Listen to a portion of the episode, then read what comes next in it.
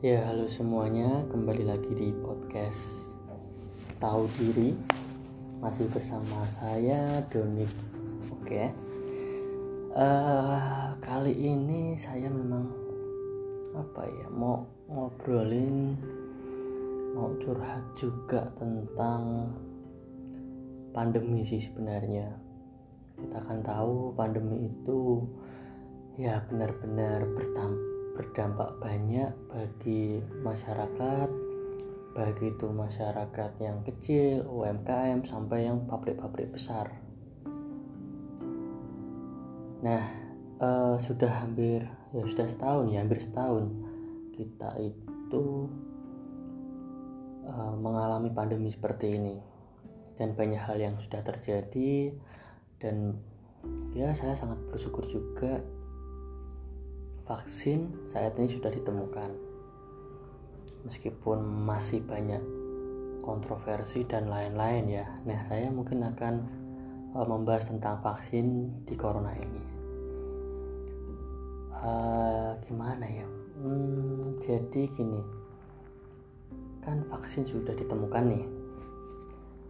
Nah, uh, syarat untuk kita keluar dari pandemi atau status pandemi itu kalau tidak salah itu 70% warga dari rakyat di suatu negara itu sudah uh, herd immunity atau sudah tervaksin semuanya. Dan vaksin itu biasanya kan isinya adalah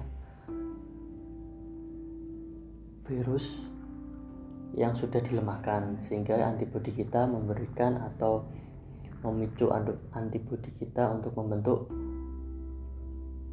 suatu imun yang kuat terhadap virus tertentu gitu kan. Nah karena ini sudah ada vaksinnya menurut saya ini sudah menjadi atau sudah proses kita masa-masa kita mau keluar dari pandemi. Tetapi ini kok masyarakat malah nggak mau? Gimana ya uh, mereka ya kita banyak tahu lah di komentar-komentarnya dokter-dokter yang nge-share tentang uh, edukasi tentang covid kemudian di fanspage atau di instagramnya kementerian kesehatan itu di komen-komennya itu selalu saja ada orang-orang yang tidak percaya masih kontroversi dibuat-buat lah. Nah menurut saya gini. Saya sebenarnya nggak peduli itu dibuat atau bagaimana bisnis atau apalah tetapi yang nyata itu adalah dampaknya. Nah sedikit sharing saya juga punya satu usaha yang di mana saat ini saya mengalami benar-benar tahu dan merasakan dampaknya. Gitu ya memang usaha ini saya hanya sebagai sampingan tetapi saya benar-benar mengalami uh, merasakan dampak nyata dari corona itu. Yang pertama seperti kayak PSBB atau apa PPKM atau apa itulah itu terbatas waktu gitu kan. Yang pasti juga terbatasnya mobilisasi masyarakat sehingga yang awalnya banyak yang membeli karena banyak, sekarang orang sudah sedikit keluar dari rumah jadi otomatis juga berkurang gitu. Terlebih lagi saat ini ada banyak bencana. Nah yang saya herankan kita kan sudah tahu kenapa uh, kita kan sudah tahu kalau dampaknya ini luar biasa. Kita lihat aja orang-orang yang dulunya Car Free Day. Udah Car Free Day aja yang saya sangat eh, tunggu-tunggu ya. Biasanya di hari Minggu itu Car Free Day rame sekali. Sekarang belas nggak ada orangnya. Belas nggak ada penjualnya nggak ada Car Free Day-nya. Kemudian penjual-penjual banyak sekali yang uh, gimana ya kebingungan kolaps seperti itu. Saya cerita di penjual-penjual tingkat bawah aja. Misal kayak penjual di SD lah SD nya tutup mau jualan ke mana kan gitu. Masih ada wilayah lain tetapi kan uh, proses peralihan ini kan yang awalnya dia bisa apa ya kalau bahasa Jawanya itu bisa dijaga gitu kan.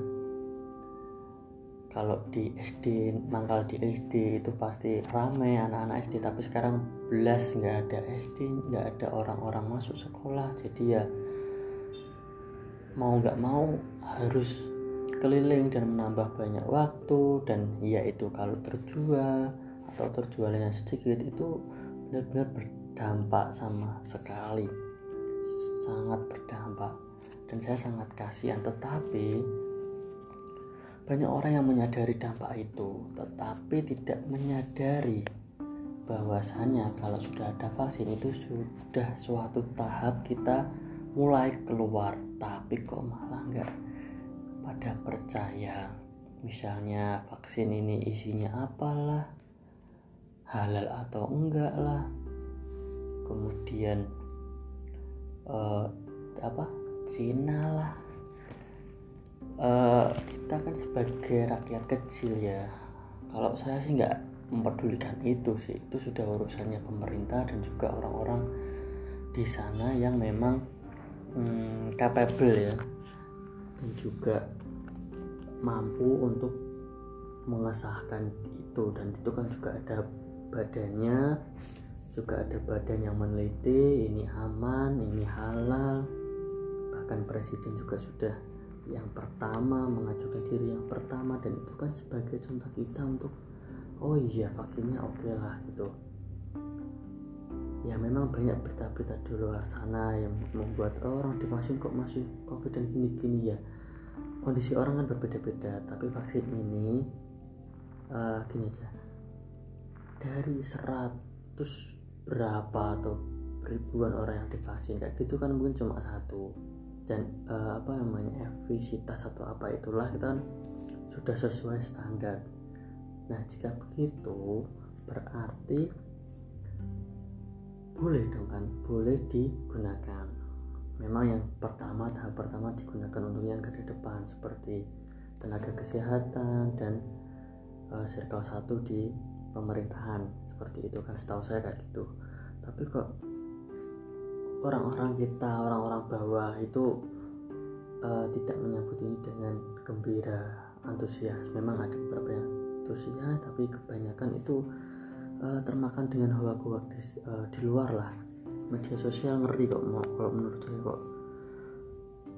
Uh, gimana enggak ya? Kita kan yang di bawah itu kan mungkin kurang literasi kurang apa dan di edukasi itu malah mereka nggak mau. Ya kalau uh, ginilah kalau saya tuh kampanye mikirnya gini aja. Aku kan kedampak nah biar aku bisa jualan lagi misal aku jualan nih syaratnya kan harus kita divaksin. Ya udah vaksin aja gitu.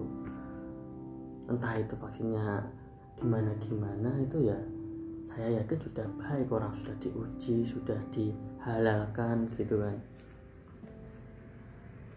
Jangan egois jangan egois jangan uh, mentang-mentang uh, dapat info ini vaksinnya begini vaksinnya begitu dari Cina lah atau apalah gitu. Terus kita oh enggak lah enggak enggak vaksin saya anti vaksin anti vaksin kayak gitu. Ya untuk apa sih kalau menurut saya? Anda itu kan egois anda tahu terdampak tapi tidak mau membantu kita yang terdampak gitu loh. Anda tidak mau keluar dari uh, keterdampakan anda jadi kan uh, gimana ya? Kalau saya terdampak gini logikanya. Aku kena dampak. Gimana uh, aku bisa keluar dari ini? Gimana uh, ini kan new normal oke lah. Ini new normal dan gimana kita bisa normal lagi? Caranya yaitu tadi herd immunity 70% uh, masyarakatnya seluruh Indonesia harus tervaksin. Lah kalau banyak yang nggak mau ndak? Kapan bisa sampai 70% kan gitu. Memang pemerintah bertahap memberikannya tapi setidaknya kita antusias dengan begitu. Pemerintah juga semakin uh, semangat dan gencar untuk memberikan uh, mendistribusikan vaksin seperti itu. Jadi jangan egois lah kasihan yang sudah berdampak. Biar ekonomi uh, jalan lagi biar kita normal lagi tetap kita protokol pakai masker itu ya yes, anggar diikuti lah ikuti aja nggak masalah. Susahnya siapa? Yang penting kan uh, kita tetap bisa jualan kita bisa hidup kita bisa memproduksi kita bisa produktif.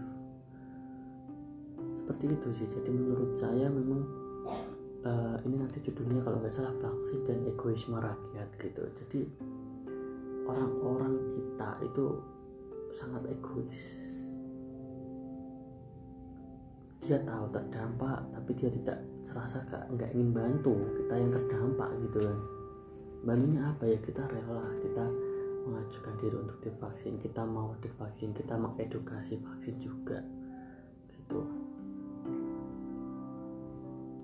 Kalau saya pribadi sih saya nggak peduli itu vaksinnya ada apa ada apa enggak. Saya nggak peduli kayak gitu. Yang penting saya uh, termasuk 0, sekian persen dari orang yang mau divaksin dan uh, menjadi uh, membantu agar segera terlepas dari status pandemi kan kayak gitu. Jadi saya mikirnya kayak gitu. Jadi aku uh, ya alhamdulillah saat memang masih kerja. Saya walaupun saya terdampak tapi setidaknya masih bisa hidup lah masih bisa cukup untuk hidup seperti itu. Karena saya tahu orang UMKM itu pedagang penjual kayak gitu memang terdampak. Ya saya ingin membantu sedikit dengan cara saya bersedia divaksin seperti itu. Jadi mikirnya ya memang biar ini segera kelar ya udah kita juga mencoba pemerintah. Nah di sisi lain pemerintah juga edukasinya kalah sama hoax Nah gimana orang banyak percaya hoax daripada pemerintah? Dikasih hoax ini langsung ger ger ger ger ger ger komentarnya. Dikasih edukasi yang benar yang sesuai. Pilihan ya nggak percaya lah ini bisnis lah. Kalau bisnis yang ngapain? Ya kenapa? Ini nggak masalah kan. Yang penting kita keluar dari uh, keluar dari status pandemi. Tetap ada bisnis yang namanya farmasi tetap ada bisnisnya. Gitu. Dan juga hmm, masyarakat kita itu kalau saya lihat ya pada parnoan. E, saking parnonya itu ya saya nggak menyalahkan mereka seluruhnya tetapi ini karena mungkin ada banyaknya hoax. Ya hoax hoax itu yang datang hoax-hoax yang ada di media sosial dan tahu nggak anda kalau orang-orang yang di bawah itu lebih banyak menerima informasi-informasi palsu daripada informasi nyata dari pemerintah yang beredukasi seperti itu. Mulai dari WhatsApp grup WhatsApp kemudian grup Facebook seperti itu. Dan kita tahu kan orang kita itu uh, apa minat baca minat bacanya itu kurang sehingga juga literasinya kurang keponya kurang tidak uh, melihat judulnya aja udah percaya oh langsung ngejat gini komentar gini.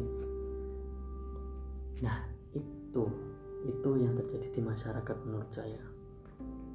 Saya yakin edukasi pemerintah itu sudah diusahakan maksimal tetapi kurang ke bawah dan kalah sama hoax-hoax saya nggak peduli saya nggak tahu sih itu bahasa atau apa apa apa tapi hoax-hoax seperti itu uh, sangat berpengaruh pada pemikiran orang-orang uh, menengah ke bawah untuk yang percaya uh, yang pertama itu tidak percaya vaksin tidak percaya pemerintah dan itu malah lebih fatal. Karena apa pun nanti yang diomongin sama pemerintah yang dia nggak akan percaya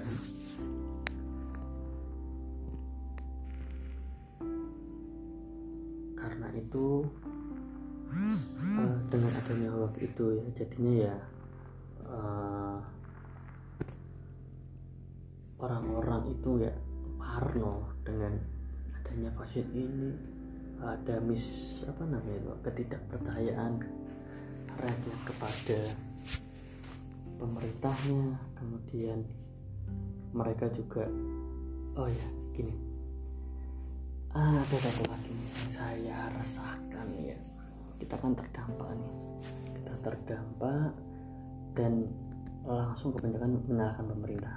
Iya mungkin pemerintah ada salah di beberapa sisi tapi kita nggak bisa sepenuhnya salah. Dan kita memang harus beradaptasi dengan uh, kondisi saat ini kan. Apalagi untuk produk-produk tertentu jualan-jualan tertentu seperti itu. Nah yang saya herankan yang saya anehkan itu gini. Saya pernah melihat suatu postingan gitu ya kalau nggak salah. Itu pengusaha yang memang pengusaha sebenarnya pengusaha sukses seperti itu. Dan ketika pandemi ini drop dia nyalakan pemerintah. Dan ketika dia sukses apakah dia peduli dengan pemerintah? I don't think so. Jadi ya ketika mereka terdampak mereka melirik pemerintah. Tapi ketika mereka sukses mereka banyak uang saya tidak yakin kalau mereka juga cukup peduli dengan pemerintah gitu. Itu adalah menurut saya dilema yang terjadi yang mungkin kepada kita kepada masyarakat-masyarakat ini. Jadi kalau uh, gini sih mudahnya kalau kita sudah di atas kita lupa dengan pemerintah. Tapi kalau kita bawah kita mengharapkan pemerintah nggak ada bantuan nggak ada apa bantuan nggak nyampe dan lain-lain gitu. Bantuan nggak nyampe ke sini. Terus informasi nggak jelas peraturan berubah-ubah gitu. Kalau peraturan saya menyadari berubah-berubah. Kenapa? Karena memang ini kondisi yang baru. Jadi memang semuanya ya serba tidak pasti gitu.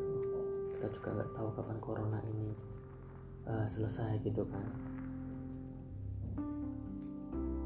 jadi ya mohonlah tolonglah uh, kita percaya aja pada pemerintah sudah ada vaksinnya kita uh, ramai-ramai kita sadarkan diri kita juga kita percaya aja kepada pemerintah kita bantu mereka yang terdampak walaupun kita juga terdampak.